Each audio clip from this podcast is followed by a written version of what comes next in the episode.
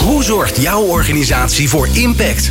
Wat betekenen jullie voor de samenleving? Bedrijven hebben de kracht om maatschappelijke vraagstukken op te lossen. Zo zorgen zij voor winst op alle vlakken.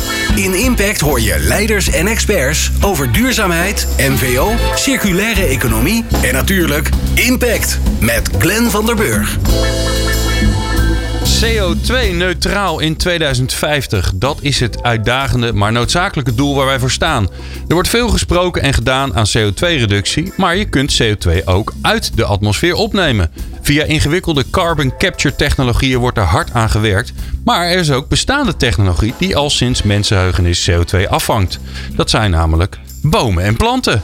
En juist die handschoen heeft de land- en tuinbouw opgepakt. Carbon farming wordt het genoemd. Wat is carbon farming eigenlijk? Hoe werkt het? Welke kansen biedt het de agrarische sector? En wat is de business case die erachter ligt? Al deze vragen stel ik aan Luc van Wezel. Hij is projectexpert klimaat bij ZLTO. En Tonko Patmos, akkerbouwer in Scharendijken. Fijn dat je luistert naar Impact. Gesprekken met Impact met Glenn van der Burg. Tonko en Luc, eh, fijn dat jullie er zijn. Ja, uh, ik, ik ging me voorbereiden op deze, op deze aflevering van Impact. En toen dacht ik, ja, het is, het is eigenlijk ook te logisch voor woorden, Luc. Maar, maar, toch maar even, hè? carbon farming, dat klinkt hartstikke mooi. Uh, het is ook lekker actief. Uh, maar even in jouw woorden, wat, wat is het? Leg het eens uit. Ja, carbon farming is eigenlijk een vrij simpel natuurlijk proces wat, wat we kennen. Van de middelbare school misschien ook wel. Fotosynthese. Um, je gebruikt eigenlijk uh, als plant uh, CO2 en zonne-energie om, uh, om de C uit de CO2 vast te leggen in biomassa. En de zuurstof gaat weer de lucht in. En um, de landbouw doet dat eigenlijk iedere dag. Ja, ja. Maar, maar dan denk ik, ja, dat gebeurt al. Wat is er dan bijzonder aan carbon farming?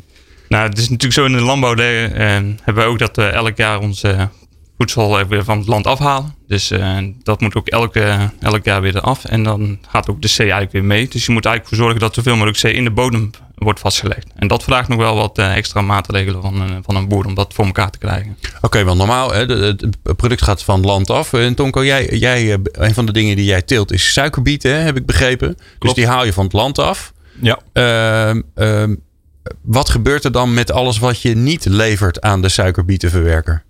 Uh, bijvoorbeeld het blad blijft op het land. Oké. Okay. Er zit ook organische stof en dat is dus koolstof in. Ja. Uh, een deel van CO2. En uh, ja, we telen niet alleen suikerbieten, maar vele andere gewassen. Uh, vruchtwisseling. Dus ehm, ja, granen, graszaad. ook maai, maaivruchten. En die laten veel meer restproducten van het gewas achter op het land. Zoals stro. Ja. En gras, graszaad, gras. Dat, dat vormt een zode. En de graszoden, die oogst je niet. En uh, dat slaat ook heel veel koolstof op in de bodem. Ja, en dan denk ik, um, zolang het aan de bovenkant van de bodem ligt, dan um, gaat het verrotten. En als het gaat verrotten, dan gaat die C weer, C, die C weer de lucht in, toch? Dan wordt het weer methaan of... Dus dan, dan, dan is het weer weg. Dan hebben we ons doel niet bereikt. Dus wat is er dan bijzonder aan carbon farming? Wat moet die boer dan meer doen, Luc, dan, dan, dan die nu eigenlijk doet? Nou, wat je eigenlijk doet is zoveel mogelijk proberen de, uh, de C vast te houden in de bodem. En uh, dat vraagt enerzijds om ervoor uh, te zorgen dat die, um, wat, wat de rest die je achterlaat op het land, dat kan de gewasresten zijn, en, maar ook de wortels van sommige planten, die blijven ook in de bodem, dat die ook in de bodem verteerd worden door bodemleven. En door dat bodemleven vorm je eigenlijk langere, stabiele koolstofketens die niet meer ontsnappen in de lucht. En uh, je moet ook voorkomen dat C weer uit de, uit de bodem ontsnapt. Dus uh, je moet ook proberen uh, de bodem zo min mogelijk te bewerken dat er zo min mogelijk CO2 weer uit de lucht, of dat er zo min mogelijk CO2 weer de lucht in, in gaat. Oké, okay, want als je, als je vervolgens weer heel heftig gaat ploegen en de boel om gaat woelen, dan gaat die, gaat die, die, die C weer de lucht in. Precies, dus je moet zorgen voor een positieve C-balans noemen we dat dan. Dus je moet zorgen dat er meer C wordt vastgelegd in de bodem, dan dat er ieder jaar weer ervan afgaat. Ja, en, nu zijn jullie bezig uh, met ZLTO, hebben een project daarvoor opgestart. Hè? Dat heet Go to Positive. Hoe, ziet dat project eruit? Nou, Go to Positive is eigenlijk uh, gelanceerd om uh, juist de verbinding te leggen met klimaatpositieve bedrijven. En dan gaan we al richting zeg maar het verdienmodel van waar we nu op zoek zijn. maar het is vooral bedoeld om de verbinding te leggen met klimaatpositieve bedrijven. En Dan vraag ik misschien af, uh, klimaatpositieve bedrijven, wat zijn dat dan? Uh, dat zijn eigenlijk bedrijven die in een jaar meer CO2 uit de atmosfeer willen halen dan dat ze, um, dan dat ze uitstoten in dat jaar. Oké, dus die, dat zijn eigenlijk de bedrijven die zeggen, we, we willen niet alleen maar onze CO2-uitstoot reduceren, maar we willen eigenlijk uh, het meehelpen het probleem op te lossen. Het ja, echte probleem. Precies. En een mooi voorbeeld is Microsoft, wat twee weken geleden gelanceerd is. Uh, dat ze in 2030 meer CO2 uit de atmosfeer willen halen dan dat ze dan uh, uitstoten. En dat ze ook nog eens een historische emissies uit de lucht willen halen. Oh. En dat is interessant, omdat wij denken dat de landbouw een van de weinige, of tenminste een van de weinige manieren is om dat te kunnen doen. Ja, ja, door middel van carbon farming. Ja, ja want het, het, het, het, zeg maar het, het niet-natuurlijke uh, alternatief is dat je het uit de lucht haalt en vervolgens onder de grond stopt in allerlei zoutcavernes en weet ik veel wat allemaal. Hè, de carbon capture. Yes. Uh, maar dit is natuurlijk een veel natuurlijker proces. Exact. Uh, even naar die, die, die zakelijke kant. Hè? Want Um, de boeren hebben het niet makkelijk. Daar, uh, daar zijn we ondertussen, dat weten we al een tijd, maar zeker de afgelopen tijd zijn we daar natuurlijk met onze neus opgedrukt.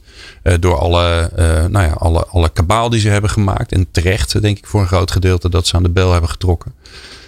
Um, hoe kan dit nou bijdragen aan die, aan, die, aan die business case van die boer, maar ook aan ja, dat die boer weer misschien wat een stapje dichter naar de natuur kan gaan staan?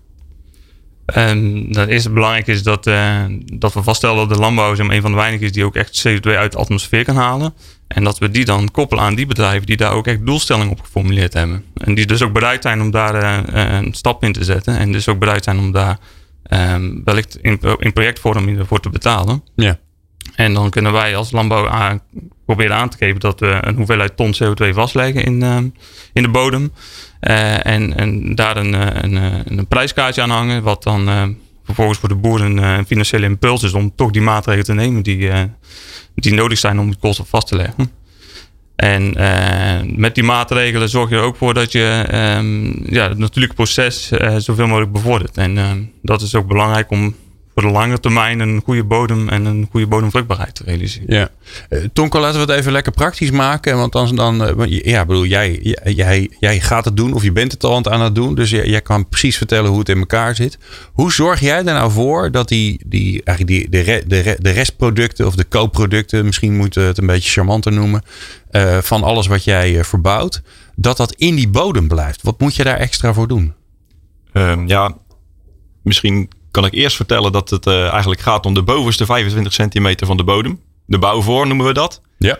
En daar zit uh, 1 tot 4, 5 procent organische stof in. In Nederlandse landbouwbodems, of in ieder geval bij mij in, de, in het gebied. En uh, organische stof is koolstof en dat wil je proberen te laten stijgen. Uh, dat, kun, of dat probeer ik op verschillende manieren. Dat is bijvoorbeeld door stro te hakselen van uh, granen. Daar zit heel veel koolstof in. En um, door groenbemesters te telen. Ik weet niet of jullie, jullie weten wat groenbemesters Maar even, even die stro, want die stro. zien we allemaal van die, die haksel. Ten eerste moet je hem al hakselen, dus dat is al werk. Maar blijft hij dan op het land liggen? Of moet hij juist door die 25 centimeter bodem heen gehaald worden? Um, daar wordt verschillend naar gekeken. Kijk. Um, een, een term in, uh, in uh, koolstof opslaande bodem is ook vaak die vaak aan de orde komt, is niet-kerende grondbewerking. Dat betekent eigenlijk zoveel als minimale grondbewerking. Uh, als je, de, je je land ploegt, dan breng je zuurstof in de bodem. En zuurstof zorgt voor verbranding. Dus dan verbrand je koolstof. Dan wordt je bodem productief. Um, en dat dus, willen, we, willen we juist niet, hè? Nou ja, dat wil je voor koolstofverbranding niet. Ja. Maar voor productie van gewassen weer juist wel. Ja. Dus uh, dat is een beetje een strijd. Um, maar je, na granen, die oogsten we bijvoorbeeld in augustus, eh, oh, dat stro, uh, dan, dan is het land leeg. En dat, ja, dat jaar daarna, in april, mei, dan ga je weer wat nieuws eh, planten, poten of zaaien. Dus, en dan komt uh, de groenmester in beeld. Die zaaien in augustus, die gaat groeien, die legt koolstof vast. En die, die laat je de hele winter doorstaan, uh, staan groeien. Oké, okay, en, en, maar de groenbemester, wat is dat? dat, is, dat is uh, een mosterdplant een bladramenasplant of gras. Oké. Okay. Uh, of mengsels. Dat kan, die, die gebruiken we ook wel eens. Dus dan kan je verschillende soorten uh, in kiezen. Ook eigenlijk, je kiest eigenlijk een soort wat past bij de volgende teelt. Vooraf. Ja. En, um, en die groenbemester die, die stopt weer mineralen in de grond. Moet ik dat zo een beetje voor me zien? Eh, dat is een dat- beetje die, die, doet, die doet het proces fot- fotosynthese. Dus Ja. die, eh, die legt koolstof vast. Ja, En als je die groenbemester dan niet oogst en je laat hem op het land, dan stijgt het koolstofgehalte in de bodem. Eh, traditioneel zijn we ge- is gebruikelijk om de, de, de, de percelen te ploegen in november, december voor de winter. En dan is de bodem zwart. De, Ja. en, en dat ploegen, dat eh, staat ja, ter discussie. Eh, het is beter voor de koolstofvastlegging in de bodem om niet meer te ploegen. Ehm, maar En- dan zit je in het en- voorjaar, in april en mei. Dan staat daar een, een groot gewas groenbemester. Waar je een klein fijn zaadje in moet gaan, eh, eh, gaan poten. Planten of zaaien. Dus het past, bij sommige gewassen past het goed om niet meer te ploegen. Maar bij sommige gewassen ook. eh, Ja, dan is het moeilijk. Want dan zit je met zo'n zo'n grote ehm, ja dan, staat die- Massa. dan staat jouw groenbemester, jouw mosterd, eh mosterd eh, plantje, die staat lekker op het veld. En dan, en dan moet je daar weer wat nieuws in gaan zaaien. moet je een zaaibed van maken. En die mosterd, dat, dat, dat kan eh 60 centimeter hoog worden. Ja. Dus eh, Maar hoe doe je dat dan? Wat is de oplossing? ehm, ja, soms, bijvoorbeeld voor uien, dan, dan kies ik er toch voor om te ploegen. Eh, maar voor eh, bieten en voor aardappels eh, kan het ook zonder. Eh, en dan eh, heb- eh, hebben we geïnvesteerd in een, ja, een messenvrees. En dan vernietigen we eh, die groenbemester. En die versnipperen we als het ware. Ja. En eh, die, ja, die, die meng je door het bovenste laagje van de grond. En dan eh, proberen we daar weer eh, wat nieuws in te zaaien. Jeetje man. Ja, Wel mooi. ja. Toch? Ja, ik vind dat wel mooi dat je, dat je zo bezig bent met. Want daar denken we natuurlijk heel weinig over na, over de bodem. Maar zonder goede, vruchtbare bodem kun jij überhaupt je werk niet doen. Dan kun je, kun je geen mooie gewassen telen. Aan de andere kant, ja, blijkbaar is dat ook. Want die, je- jij zei even, er zit 1 tot 5 procent ehm, eh, organisch materiaal in die, eh, in die toplaag van 25 centimeter. Klopt. Waar zou je naartoe kunnen? Dus wat is de, de rek die erin zit? Nou, kijk, het, ehm, eigenlijk ehm, agrarisch is 3% gewoon goed. En het, het, het, het makkelijkste is om, of, of het, het meest haalbare, of hoe kan je dat zeggen, de meeste capaciteit in het opslaan ligt in de bodems die op 1 en 2% liggen, om die naar 3 te, 3 te brengen en daar te houden. Want een bodem van 5, ja, die, daar zit al heel veel in. En ehm, ik zou meer energie steken in de bodems waar weinig organische stof in zit. Ja. Ja, dat is dan ook weer goed voor die bodem, kan ik me voorstellen. Klopt, Dat is een beetje, een, beetje een, een bijna eh, uitgemergelde bodem waar, waar misschien niet zoveel meer op groeit ook. Ja, of een hele productieve bodem die snel verbrandt ja. en, en hoge opbrengsten geeft. oké. Want een, eh, een, een, eh, een ja, dan ga ik misschien Nee, ga ik een beetje te veel in detail. Nee, maar maar, dat is alleen maar leuk. En als ik het niet meer snap, dan vraag ik het wel. gebieden waar heel veel gras is, of alleen maar gras, weiden. De, die, die, dat zijn bodems met heel veel organische stof. En daarom eh, zeggen ze ook van eh ja, eh, weiden scheuren, dus omploegen. Dat, dat zorgt voor enorme ja, mineralisatie en, en dan wordt koolstof verbrand. Ja. Dus eigenlijk eh, ja, wei, weigebieden of grasgebieden, dat zijn bodems vaak met hoge organische stof. En echt akkerbouwgebieden waar aardappelen, uien, bieten, granen, dat zijn bodems die productief zijn, veel bewerkt worden en waar de organische stofgehaltes wat lager zijn. Ja. En dat grappige is natuurlijk ook als je van 1% naar 2% gaat, dan heb je 100% meer Dat C in de grond. Dat klopt. Toch? Ja. Dus dan heb je een grote vooruitgang. Nou, eh, we gaan zo verder praten met eh, Tonko en Luc. En dan ben ik wel benieuwd eh, naar, eh, ja, eh, hoe werkt dat dan voor bedrijven die zeggen, ja, wij willen wel, eh, wij willen wel eh, CO2 positief eh, worden. Ehm, ja, wat moeten ze daarvoor doen? Hoe werkt het? Hoe, hoe reken je het allemaal uit? Nou, ik zit nog vol met vragen en dat hoor je allemaal zo. Duurzame oplossingen voor onze vraagstukken. Je hoort ze in Impact met Glenn van den Burg op Nieuw Business Radio. We praten over carbon farming. Eh, ja, een, misschien wel een hele interessante oplossing voor, eh, voor boeren. Een nieuwe businessmodel, maar ook natuurlijk voor organisaties die niet alleen maar hun CO2-uitstoot willen verminderen, maar misschien zelfs CO2 uit de lucht willen halen.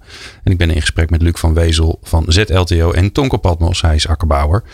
Ehm, ja, Luc, eh, even naar hoe het werkt of gaat werken. Ehm, die, Eh, dat bedrijf die, eh, die carbon positive wil worden, hè, die dus eigenlijk CO2 uit de lucht wil halen en daar, eh, en daar op, op voor staat.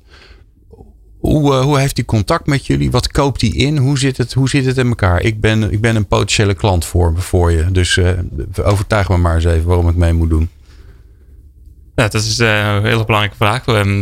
Wij denken dat we eh, bedrijven die op deze manier ehm, zijn CO2 uit de lucht willen halen, dat we die kunnen koppelen eh, lokaal aan een, groep agrariërs. Die juist de maatregelen neemt die, ehm, die Tonko net al eh, in de detail noemde. Oké, maar hier zeg je al iets belangrijks. Lokaal. Dus het is niet een soort algemeen CO2-certificaat wat je koopt, maar je wil die verbinding ook echt leggen. Ja, precies. Dus eh, we zoeken juist naar de eh, bedrijven die eh, ook een lokale binding hebben. Dus die zeggen van oké, we- ik wil het niet eh, afkopen met een project in, eh, in Afrika of in eh, Zuid-Amerika. eh, wat andere partijen misschien voorstellen. Ja. We zoeken het juist in Nederland, in eh, een lokale omgeving. Dat je bij wijze van eh, in de middaguur je kantoor uitloopt en eh, naar de boer toe loopt waar het eh, wordt opgeslagen. Leuk, oké. Dus nou, Tonko, wie zit er bij jou in de buurt? Dat je denkt van nou, eh eh, Dow Chemicals, die zitten toch in, eh, in Zeeland? Ja, dat klopt. Die zit in Zeeuws-Vlaanderen. hè? Ja, Ja, ja. ja. daar, nou, dat is voor jou misschien een endweg, maar voor, voor Ja. de, het blijft Zeeland, hè? Ja, dat klopt. Ja, Om, om bij jou op bezoek te gaan moeten ze. Maar de, die, eh, die, sto- die stoten nogal wat CO2 uit, denk ik. ja. Dus dat is een potentiële klant voor jou. ja, dat zou kunnen. Zeker. Ja, dus die gaan we even nu aan het haakje slaan. Die is aan het luisteren natuurlijk. Dus die denkt, oh nee, dit is interessant voor ons. Eh, eh, dus dat is ook mooi om het concreet te maken. Stel je voor dat Dow Chemicals zegt, dat gaan we doen. Hoe gaat het dan voor ze uitzien in, in, de, in, de, in de verbinding met Tonko? Ik weet niet zeker of we met Dow moeten gaan samenwerken. Ik bedoel, als we die al hun uit CO2-uitstoot willen gaan compenseren met boeren, dan eh, hebben we denk ik heel Europa nodig zo'n beetje. Maar eh, Ja, maar een klein beetje. Gewoon. klein beetje. Dan, eh, dan, dan zijn wij als Settled Joe de lokale verbinding. Wij zijn op zich lokaal georganiseerd. Dus wij kunnen vrij snel ehm, eh, op lokaal niveau een oproep doen aan, aan boeren van... hey, willen jullie hier, zijn jullie geïnteresseerd? En ehm, eh, dan organiseren we daarvoor een, een informatiebijeenkomst voor die boeren. Ehm, en dan kijken we of dat de boeren geïnteresseerd zijn. En dan maken we ook een plan. Dus eh, voor die boer die, eh, die mee wil doen, ehm, begeleiden ze in het opstellen van een plan waarmee ze kosten kunnen vastleggen. En dat plan, eh, dat vervolgens vertalen we naar eh, eh, een aantal tonnen CO2. Dat we daarmee kunnen aanbieden aan het bedrijf wat, wat dan lokaal dat mee wil, wil faciliteren. Ja. Oké, dus in het geval van Dow ga je dan, eh, dan kom je bij Tonko uit, want die wil natuurlijk. En, eh, maar er zijn vast eh, andere akkerbouwers in de buurt, want er wordt nogal wat verbouwd in Zeeland aan aardappels en bieten en noem maar op. Eh, dus daar liggen goede kansen. Ehm, wat schiet Tonko ermee op om dit te gaan doen? Los van het feit dat hij de wereld aan het redden is, wat al best wel belangrijk is. Maar we willen natuurlijk ook nog wel een beetje een centje verdienen. Ja, dus eh, we, we, plakken wel een prijs op een, eh, op ton CO2. En, en eh, we zijn daar nog mee aan het experimenteren. We zijn de eerste projecten die we nu gedaan hebben. Maar het eerste project wat Tonko aan meedeed, of meedoet nu, is, is een prijs van 100 euro per ton. En ehm, dat is gebaseerd op enerzijds wat, wat het voor Tonko kost om, om maatregelen te nemen. Ehm, en anderzijds ook op wat, ehm, ja, wat we zien aan, aan prijs in de markt.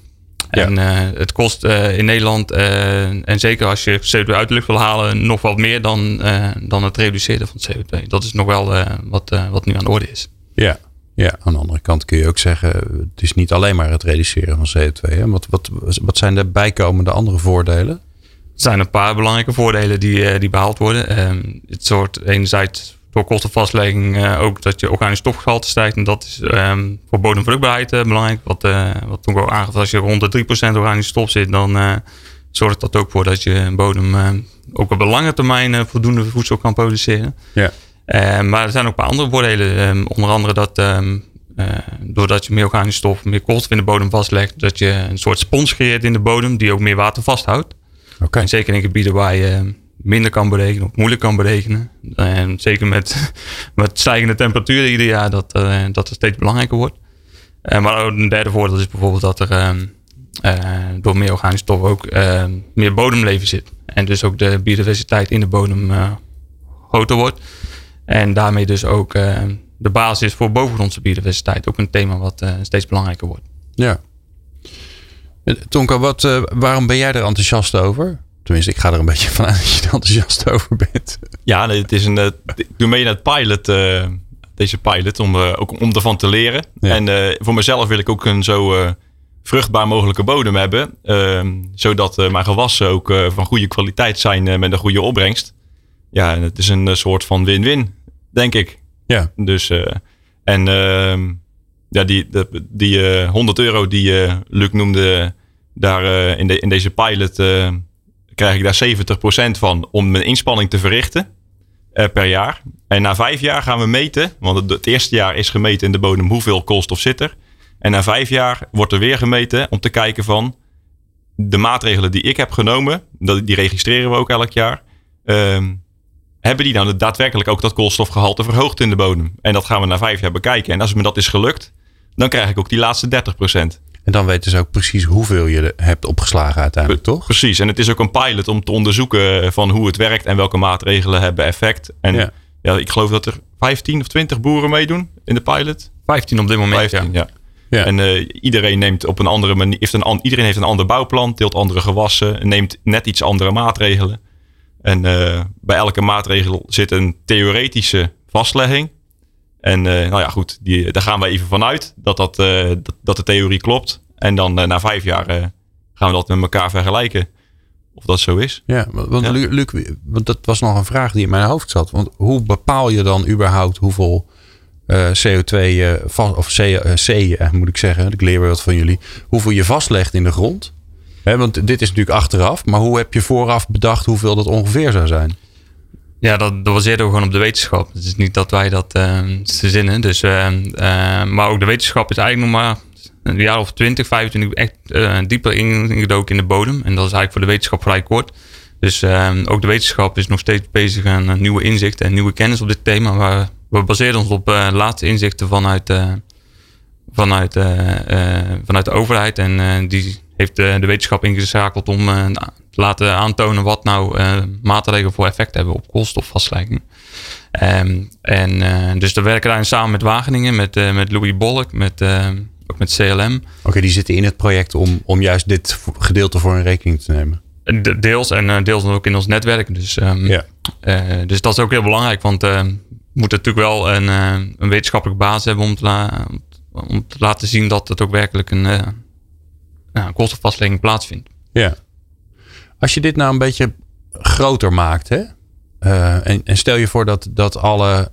Um, dat iedereen mee zou doen in Nederland. Hoe, over wat voor aantallen hebben we het dan? Heb je daar, valt daar überhaupt iets over te zeggen? Er valt uh, globaal iets over te zeggen. Ja, we hebben 1,8 miljoen hectare grond in, landbouwgrond in Nederland. En ongeveer de helft daarvan is, uh, is grasland. Nou, grasland is een effectieve koolstofvastlegger. Ja. Uh, dus die leggen ongeveer uh, 1 tot 2 ton CO2 vast per hectare per jaar. Dus dan heb je het al over uh, 1 tot 2 megaton CO2 per jaar. En in akkerbouw is het, is het wat lastiger, omdat je daar ieder jaar ook weer gewassen er weer van afhaalt. Dus er vindt meer, weer meer bewerking plaats. Daar denken wij, en in onze pilots hebben we dat nu, dat ongeveer een halve ton CO2 daar vastgelegd kan worden.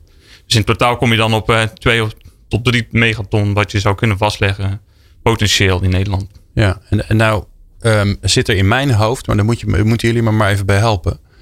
Een gedeelte gebeurt natuurlijk gewoon al. Hè? Dus, dus alle, alle weides, zeg maar, alle gras, ja, daar wordt al heel veel CO2 vastgelegd. En het gevaar, enerzijds zou je natuurlijk kunnen zeggen, dat wordt tijd dat we dat eens een keer gaan waarderen. Want daar zit een waarde aan. En dat nu, ja, doen we daar eigenlijk niet zoveel mee.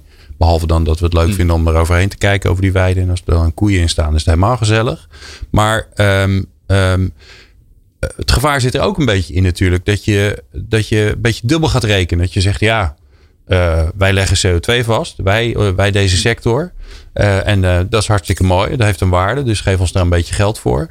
Maar uiteindelijk schieten we er relatief weinig mee op. richting die ongelooflijke doelstellingen die we hebben. Omdat we het al deden.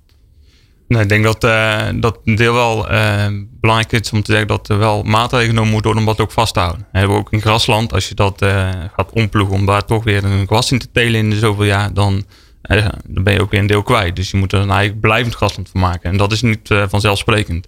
Um, en ook de maatregelen die, die Oranje Tonko neemt, is niet een vanzelfsprekendheid dat die genomen worden.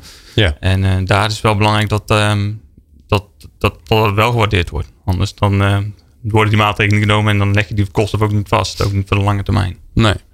Ik wil zo met jullie verder praten en dan wil ik even iets, iets eh, specifieker worden in ehm, eh, ja, wat voor verschillende projecten zijn er allemaal. We hebben natuurlijk een beetje over, uh, over Tonko zijn, zijn project gehad, maar dat gebeurt natuurlijk op allerlei andere plaatsen en ook op andere, allerlei andere manieren. En dat hoor je zo. Wat is jouw impact? Met Glenn van der Burg. Met uh, Tonko en Luke in de studio uh, praten over Go to Positive, over carbon farming. Um, nou, Tonko, je hebt al een beetje verteld over wat er, uh, wat er in jouw project gebeurt. Dat, dat gaat dus vijf jaar lopen. Dus je bent vijf jaar ben je bezig. Ja. En pas over vijf jaar wordt er pas weer gemeten. Lijkt me ook wel weer een beetje gek. Maar misschien ben je dat wel gewend als, als akkerbouwer dat het allemaal wat op lange termijn is. Maar ik zou eigenlijk na een jaar al heel benieuwd zijn van hoe, hoe, hoe, hoe ben ik opgeschoten. Ja, dat klopt. Een cyclus in de akkerbouw duurt lang. Het is, uh, een, een is een jaar. Maar een gewasrotatie op je percelen, dus een bouwplan, is vier of vijf jaar. Dus eer dat op één perceel alle gewassen gepasseerd zijn, ben je vijf jaar verder. Ja. Dus vandaar ook die vijf jaar. Ja, en dan pas weet je wat het, effect, het echte effect is. Precies, want bijvoorbeeld uh, bij het hele graszaad, dat is een meerjarig gewas. Dan bewerk je de bodem een jaar ook niet. En dat zorgt echt voor een een, een boost in uh, de hoeveelheid uh, koolstof die vastgelegd wordt. Nou, een jaar daarna til je bijvoorbeeld weer aardappelen. En dan blijft er niet zoveel residu achter en dat laat wat minder koolstof achter. Dus je moet echt zo'n cyclus uh, hebben meegemaakt. Tussendoor doe je nog een paar keer um, organische mest toedienen. Um, stalmest van koeien of, of compost of champignonmest. Ehm, ja, dus dat is echt een, een proces van meerdere jaren. Dus ja. gaat langzaam. Heb jij nou ook, hè, want er zijn natuurlijk allerlei andere ontwikkelingen, uh, bijvoorbeeld ook om de biodiversiteit uh, te vergroten met, uh, met strokenteelt of, of kruidenzaaibedden langs de randen van, van percelen om, om wat meer bijen en vlinders en zo aan te trekken. Neem je dat dan ook mee in de ideeën die je hebt over hoe je, hoe je meer CO2 uit de lucht haalt en in de grond stopt?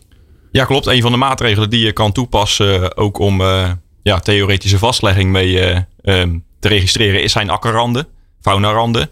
Uh, maar je mag ze alleen niet dubbel tellen. Uh, wij, wij hebben al uh, op ons akkerbouwbedrijf akkerranden. eigenlijk een aantal. We hebben faunaranden, dus echt voor de dieren. We hebben, of, dat is eigenlijk vanuit de provincie. En we hebben vanuit de gemeente bloemenranden. Dat is meer voor de burger en de toerist en eilandbewoner bij ons. Ja, en, dat het gewoon gezellig en de, de, bloemetjes en de bijtjes. Ja. Maar ehm, je mag ze niet dubbel tellen. Dus je mag niet en voor de provincie en de gemeente. Uh, en dan ook nog mee laten tellen voor het koolstofproject. Nee, er moet echt een aparte uh, rand aanleggen. Maar goed, we hebben die dus al. Dus nou, dat, die heb ik dan niet gekozen, die maatregel. Ja. Maar, ja.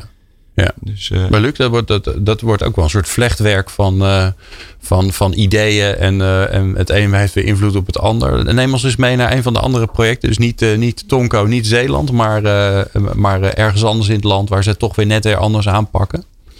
Um, ja, je hebt verschillende projecten die al lopen. In, in Friesland zijn ze ook bezig um, met dit project. Daar heb je weer veenweidegebieden. En daar wordt weer gekeken naar het voorkomen van uitstoot vanuit de bodem. Hè. De veenweiden die stoten CO2 uit als, je, als het waterpeil heel laag staat. Um, dus dat zijn andere manieren om te kijken naar de bodem. Hoe kan je nou zorgen met de bodem dat er ofwel zo min mogelijk CO2-emissies ontstaan of zoveel mogelijk wordt vastgelegd. En um, we zien ook wel projecten waarin juist gekeken wordt, kunnen we dingen stapelen met elkaar. Dus kun je zowel uh, koolstofvastlegging stimuleren als biodiversiteit als uh, watervasthoudend vermogen. Alleen um, uh, in veel gevallen is nog niet heel nauwkeurig gekeken naar hoe dat verdienmodel dan tot stand komt. En wie gaat ja. daar dan voor betalen? Ja, want is dat ook een, een, toch wel een onderdeel van dit, dit project om, om, naar die, om naar die verdienkant te kijken? Dus om ook want we zijn natuurlijk gewend geweest om uh, naar akkerbouwers, maar ik denk veeteelt ook, om vooral te kijken naar van ja, wat, wat voor voedsel produceren ze en dat is het dan. Maar dat er eigenlijk breder gekeken wordt naar wat voor waarde zit er eigenlijk in die bedrijven. Nou, het vastleggen van CO2 is één. Uh, biodiversiteit, dat heeft natuurlijk ook een waarde. Wordt er, wordt er in Go to Positive wat breder gekeken naar juist die kant van het, uh, van het boeren? Ja, eigenlijk heel bewust zelfs. Uh, we kijken juist heel bewust naar een, een, een verdienmodel naast de, het voedselproduct. Dus het wordt echt als een aparte dienst proberen we dat kijken of dat, dat haalbaar is. Uh, een aparte klimaatdienst eigenlijk. Die niet verwerkt zit in de prijs van een ton aardappel of een ton suikerbieten. Maar die eigenlijk verwerkt wordt in een ton CO2. wat je dus apart kan, kan, kan in de markt kan zetten. En daar is Go to Positive wel om te kijken van is er een markt met bedrijven die juist klimaatpositief willen worden. Omdat uh, carbon farming is toch een manier om CO2 uit de lucht te halen. En um, dat, die hebben bedrijven met klimaatpositieve doelstellingen juist nodig. Dat soort projecten. Die zijn op dit moment gewoon niet zo ja. Waar komt dit, dit plan, dit idee vandaan? Hoe ontstaat zo'n... Zo nou, we zijn als, uh, als, als ZLTO zijn we al een aantal jaren bezig met, uh, met carbon farming. We hebben een uh, groot Europees project waar we op dit moment aan werken. Waarin we samenwerken met Duitsland, met België, met Noorwegen. En um, daar is enerzijds een balans gevonden in één, het, het verder verspreiden van kennis over maatregelen van, van koolstofvaststelling richting boeren. Maar een heel belangrijk onderdeel van dat project is ook om te kijken van hoe kun je dat nou ook als een verdienmodel ontwikkelen omdat uh, het nemen van die maatregelen, uh, onder andere die Tongo neemt, is. Uh, die kosten wel een investering. Bijvoorbeeld een investering in een nieuwe machine of een investering in groenbemester, wat zich niet uitbetaalt in een prijs voor je voedselproduct. Dus ja. Er zal ergens ook een incentive moeten zijn om die maatregelen te nemen. Werk je dan ook, want ik kan me voorstellen, hè, dat, ik probeer dan zo'n keten in mijn hoofd te visualiseren. Dus je hebt een, een, een, bedrijf die zegt: wij vinden dat interessant. Dus wij willen eigenlijk de, de, de, de, die CO2-prijs wel betalen. En dan heb je uh, Tonko die zegt: Nou, ik vind dat mooi, want dat heeft ook allerlei voordelen voor. het levert geld op, maar het heeft ook allerlei voorbeelden voor, voordelen voor een bedrijfsvoering. Maar ja, Tonko moet wel inderdaad machines gaan kopen. En ehm, ehm, is er dan, zijn er ook banken bij betrokken die dan weer kijken onder welke voorwaarden kunnen we dan zorgen voor financiering? Um, op dit moment is dat nog niet, dus we organiseren dat vooral zelf. Okay. Um, dus die, die kunnen bellen eigenlijk? ja, die kunnen zeker bellen. Ook, ook voor hen is er weer een businessmodel. de Rabobank heeft zelf een, eh, een businessmodel uh, recent gelanceerd, uh, Carbon Banking. Um, en ja, ik denk dat het vooral belangrijk is om het verdienmodel ook van de boer centraal te stellen en niet het verdienmodel van een bank. Nee, daar ben ik ook. Ja, ik heb ook zo mijn voorkeur. ja. Mooi, alright. Wat, um, uh, wat kunnen jullie nog gebruiken? Want het is, een, het is natuurlijk een, een, project. Het heeft ook tijd nodig. Aan de andere kant ja, hebben we ook geen tijd. Want uh, 2030 staat onze eerste doelstelling in 2050 de tweede. Dan moeten we op nul zitten. Dus we hebben eigenlijk iedereen hard nodig. Dus wat, wat kun, eh, kun jij nog gebruiken in het project aan partners die mee willen doen? Nou, ik zoek vooral wel een paar uh, enthousiaste voorlopersbedrijven die een, uh, een, ambitieuze doelstelling hebben. Die zeggen van nou, dat willen we wel op kleine schaal proberen met een aantal boeren in onze omgeving. Ja, en maakt het dan nog uit waar, heb je nog voorkeur waar? Ik bedoel, Tonko zit in Zeeland. Ik noemde even voor de, voor, Douw was het eerste bedrijf dat bij me opkwam, dat ik toevallig kende. Maar maakt het nog uit waar ze zit in Nederland? Want die, ik vond dat juist interessant, dat die lokale betrokkenheid zo belangrijk is. En nou, het maakt in principe niet uit waar je zit. En het is alleen zo dat wij uh, vooral opereren in, uh, in Zeeland en Noord-Brabant. Alleen we hebben natuurlijk ook goede relaties met onze zusterorganisaties in, in het noorden van het land of in, in Limburg. Ja. Dus, en het voordeel is dat wij lokaal georganiseerd zijn. Dus we kunnen vrij snel lokale initiatieven ontplooien. Ja. Heb je een voorbeeld van een bedrijf die nu al aangehaakt is? Dat je zegt van nou weet je, die, dat soort bedrijven moet je dan dus aan denken? Nou, we zitten een aantal bedrijven in de pijplijn. Ik kan het nu nog niet noemen, maar uh, dat, is, uh, dat is wel... Uh, maar wat, wat zijn het juist hele grote bedrijven? Of is, want dat maakt natuurlijk ook uit. Hè? Of je, want Dow zei al van nou ja, die zijn zo groot. dan dan moeten we heel vooral, Europa pakken. Nee, we zijn vooral op zoek naar bedrijven die een familiebedrijf of een midden-klein groot bedrijf. Een bedrijf met een lokale binding die bijvoorbeeld ook lokaal werknemers moet, moet aantrekken. Um, maar die ook uh, een, een, bepaalde verantwoordelijkheid voelt richting hun eigen omgeving. Een eigen gemeente bijvoorbeeld. Ja. Dus uh, we zoeken denk ik niet de, de, enorm grote multinationals. Maar vooral bedrijven die, uh, ja, die op lokaal niveau ook een impact ja. hebben. Maar als ASML belt, dan zeg je geen nee. Nee. Nou, jullie horen het. Um, waar ik straks uh, met jullie naartoe wil uh, als laatste is uh, om even ja, een blik in de toekomst. Even verder kijken van als we naar de toekomst kijken. Ja, hoe, hoe groot, hoe, hoe, hoe kunnen we het opschalen? Hoe kunnen we zorgen dat dit niet blijft bij een prachtig initiatief. Maar dat het echt ja, flink gaat helpen bij de doelstellingen die we hebben. Dat hoor je zo. Alles wat jij doet heeft impact. Met Glenn van den Burg. We praten over carbon farming, over het mooie project uh, Go to Positive. En dat doen we met Luc van Wezel van ZLTO en Tonko Patmos, uh, ja, bijzonder enthousiaste akkerbouwer in Scharendijken. Waarvan ik toch even moest opzoeken waar, waar het eigenlijk is. Uh, Tonko, ja, laten we naar de toekomst kijken. Hoe, hoe, als je nou naar dit, uh, naar dat carbon farming kijkt en je kijkt echt gewoon ver naar de toekomst en dan mag je ook hoop hebben en een beetje dromen. Wat, wat zie je dan voor je? Wat gaat dit voor jouw bedrijf betekenen? Nou, ik doe nu mee met uh, vijf percelen en ons akkerbouwbedrijf heeft ongeveer 20 percelen. Dus ja, oh. Dus, er is nog uh, mogelijkheid tot uitbreiden. En uh, ja, ik hoop dat het werkt en lukt. En dat zullen we zien na vijf jaar. En als het een succes is, ja, dan, uh, dan gaan we ermee door. En ja, dan kan ik het ook nog uitbreiden. Um, waar ik natuurlijk wel mee zit is... Stel je voor, ik heb nou gemiddeld 2% organische stoffen in mijn bodems. En ik krijg dat komende 10 jaar... Misschien heel ambitieus 1% omhoog. Ja. Um, als je, hoe, hoe hoger uh, je organische stofgehalte is, hoe hoger de afbraak ook is. Dus om het dan daarna nog op peil te houden of te verhogen, dat wordt steeds moeilijker. Ja, ja, dus de vraag is ook een beetje welke rek zit erin. Precies. Want je kunt niet naar uh, 80%.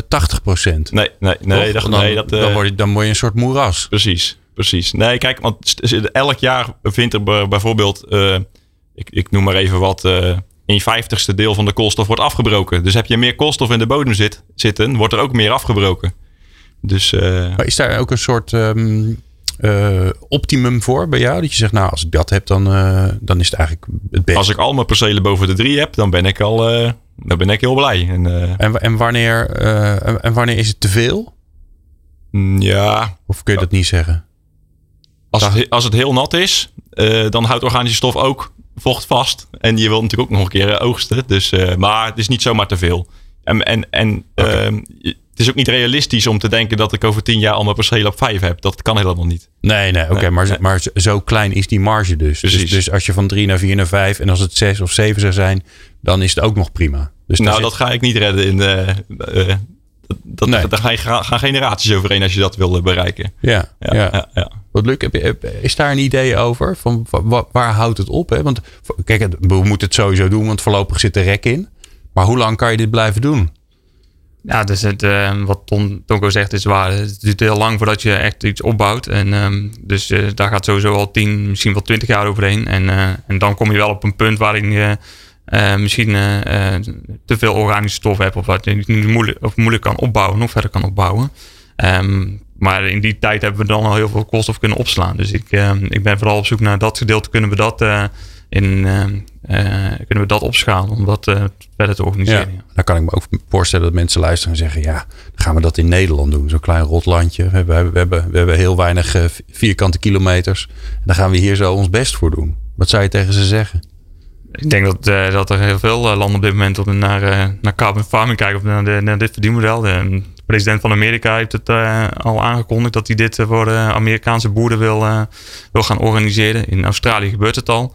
Dus um, ik kan het zeggen dat, dat we zeker moeten kijken wat we in Nederland daarin kunnen doen. Ja, want je bent ook weer kennis aan het ontwikkelen, kan ik me voorstellen. Absoluut. En ja. ieder land is dan eigenlijk ook weer anders. Um, maar ik zou wel graag, uh, tenminste als ik uh, een beetje verder mag dromen, dan zou ik graag een koolstofcoöperatie oprichten van, uh, van boeren die in, in Nederland koolstof opslaan en dat we dat kunnen, kunnen vermarkten. Oké, okay, en een koolstofcorporatie, hoe, hoe ziet dat eruit? Waarom is dat zo'n mooi, mooi vergezicht voor jou? Omdat we dan uh, een coöperatie hebben van boeren die, uh, waar, we misschien 100 jaar geleden als dat Jo de Rabobank hebben opgericht, en zouden we dan een nieuwe coöperatie oprichten die ook weer het verdienmodel van de boer centraal stelt en ook in staat stelt om, om stappen te zetten op zijn bedrijf. Ja, nou weet ik dat toevallig dat Tonko, die is ook lid van de coöperatie van suikerboeren nou, wat ondertussen een megabedrijf is geworden overigens. Kozen, waar uh, uh, Kozen Beat Company voorheen, Suikerunie en, uh, en onder meer Avico ondervallen. Dus jij hebt invloed, Tonko. Jij, jij, jij kan jouw mede, mede suikerbietverbouwers, die kan jij iets interessants doen toekomen. Ja, zeker. Ja, toch? Dus daarom hoop ik ook dat, het, dat, dat dit een succes wordt. En ja, dat collega's met mij hier een extraatje uit kunnen halen om ja, te zorgen dat de bodems uh, gezond ja. blijven. En uh, ja, dat we bijdragen aan een. Uh, Want hebben jullie het daar al binnen de coöperatie over, over dit soort onderwerpen? Jazeker. Ja, binnen de coöperatie wordt ook gezegd van suikerbieten leggen zo, legt zoveel CO2 vast. Ja, je oogst ze ook. maar de, bij, bij consumptie wordt het weer verbrand. Ja. dus in principe. En, en wij kijken echt naar de CO2 in de bodem. Maar een gewas wat je oogst en weer verkoopt, daar zit ook koolstof in. Dus uh, ja, ja. ja, ze moeten heel, heel veel suikerbieten eh, maken en dan, in, en dan nee, dat is dood. Ik wou zeggen, allemaal in een heel groot gat gooien. Ja, nou theoretisch klopt dat, ja. En nee. dicht stoppen. Ja. Nee, dat is doodzonde. Er ja. veel te veel mooi spul in die suikerbieten. Ja. Alright, um, maar dat zo'n coöperatie zou jij mooi vinden, omdat, uh, ja, waarom niet? Ja, een coöperatie is natuurlijk één ding. De boeren organiseren daar Uh, je moet ze ook dan voor die koolstof die de boeren dan opslaan, moet je ook uh, kunnen vermarkten. Dus we, ja. we hebben ook bedrijven, veel bedrijven nodig die klimaatpositief willen worden. En die juist dit soort projecten nodig hebben om die doelstelling te halen. Oké, okay. dus uh, nou, naar dit programma luisteren mensen die zich met de duurzaamheid bezighouden. al dan niet binnen, binnen een organisatie. Als die nou denken, ja, dit is superleuk en interessant en, en het helpt ons bij onze eigen doelstellingen. Wie moeten ze dan bellen? Mij. Jou? Oké, hartstikke goed. Uh, dus daar gaan we voor zorgen dat, uh, dat daar linkjes komen in onze show notes uh, van onze podcast. En anders op onze website impact.radio. Um, hoe lang loopt dit? Want het is een project. Dat heeft altijd een einde. Wanneer, wanneer is het klaar voor jou, Luc? Ja, nooit. Maar wanneer is het project klaar? Nou, het project Carbon Farming, dat Europese project loopt nog een, nog een klein jaar. Um, maar we, we kijken nu al naar van kunnen we dit ook uh, niet uh, opschalen middels een bedrijf of een uh, organisatie. Dan okay, wordt het van een project naar een, ja. naar, naar, een verdienmodel. Ja. Oké, ja, mooi. En dan word jij directeur, of, of heet dat zo? Ja, word jij directeur van, het, van de coöperatie. Ja. Wie weet. Toch? Ja, nee, maar je mag dromen, dat is goed. Um, je zou even, het is een Europees project. Het is wel goed om dat even, even ook aan te stippen. dat loopt nog een jaar. Hoe moeten we nog even noemen hoe dat, hoe dat die Europese subsidie heet? Want dat nou, het is, het Carbon Farm project wordt uh, gefinancierd vanuit uh, Interreg. Het is een, een, een, een, subsidie die bedoeld is voor landen in, in Europa die samenwerken. Oké, okay, want je, en, en dat, dat doe je dus in dit project. Want je vertelde al even, dat, dat doet ook Noorwegen, Duitsland. Dus dat gebeurt, gebeurt niet alleen maar hier. Nee, zeker niet. Dus, en we hebben, zitten verschillende soorten partijen in het consortium. Dus we hebben ook wetenschappen uit Duitsland en uh, meer praktische partijen zoals wij uh, in, in, eh, Nederland en België. Mooi. Nou, ik wens jullie daar allebei uh, heel veel succes mee, want dat is nog lang niet klaar. En nou, je kan me vast nog wel een keer een update geven over, over de volgende stap. en ik kan niet genoeg benadrukken dat als je dus carbon positive wil zijn, en dus niet alleen maar CO2 wil verminderen in je eigen uitstoot, maar je wil eigenlijk gewoon überhaupt de CO2 in de atmosfeer verminderen, dan kan dat op deze prachtige manier via carbon farming. En wil je daar meer informatie over hebben, dan uh, kun je naar GoToPositive. Volgens mij is de website ja. gotopositive.com. .com. Kijk, gelijk internationaal, daar hou ik van. Uh, dank jullie wel. Uh, Luc van Wezel, projectexpert klimaat bij ZLTO. En Tonko Patmos, agrarisch ondernemer, oftewel akkerbouwer uit Scharendijk. Meer afleveringen van Impact vind je op impact.radio. Of via podcastkanalen als Spotify, Duke of Apple Podcast.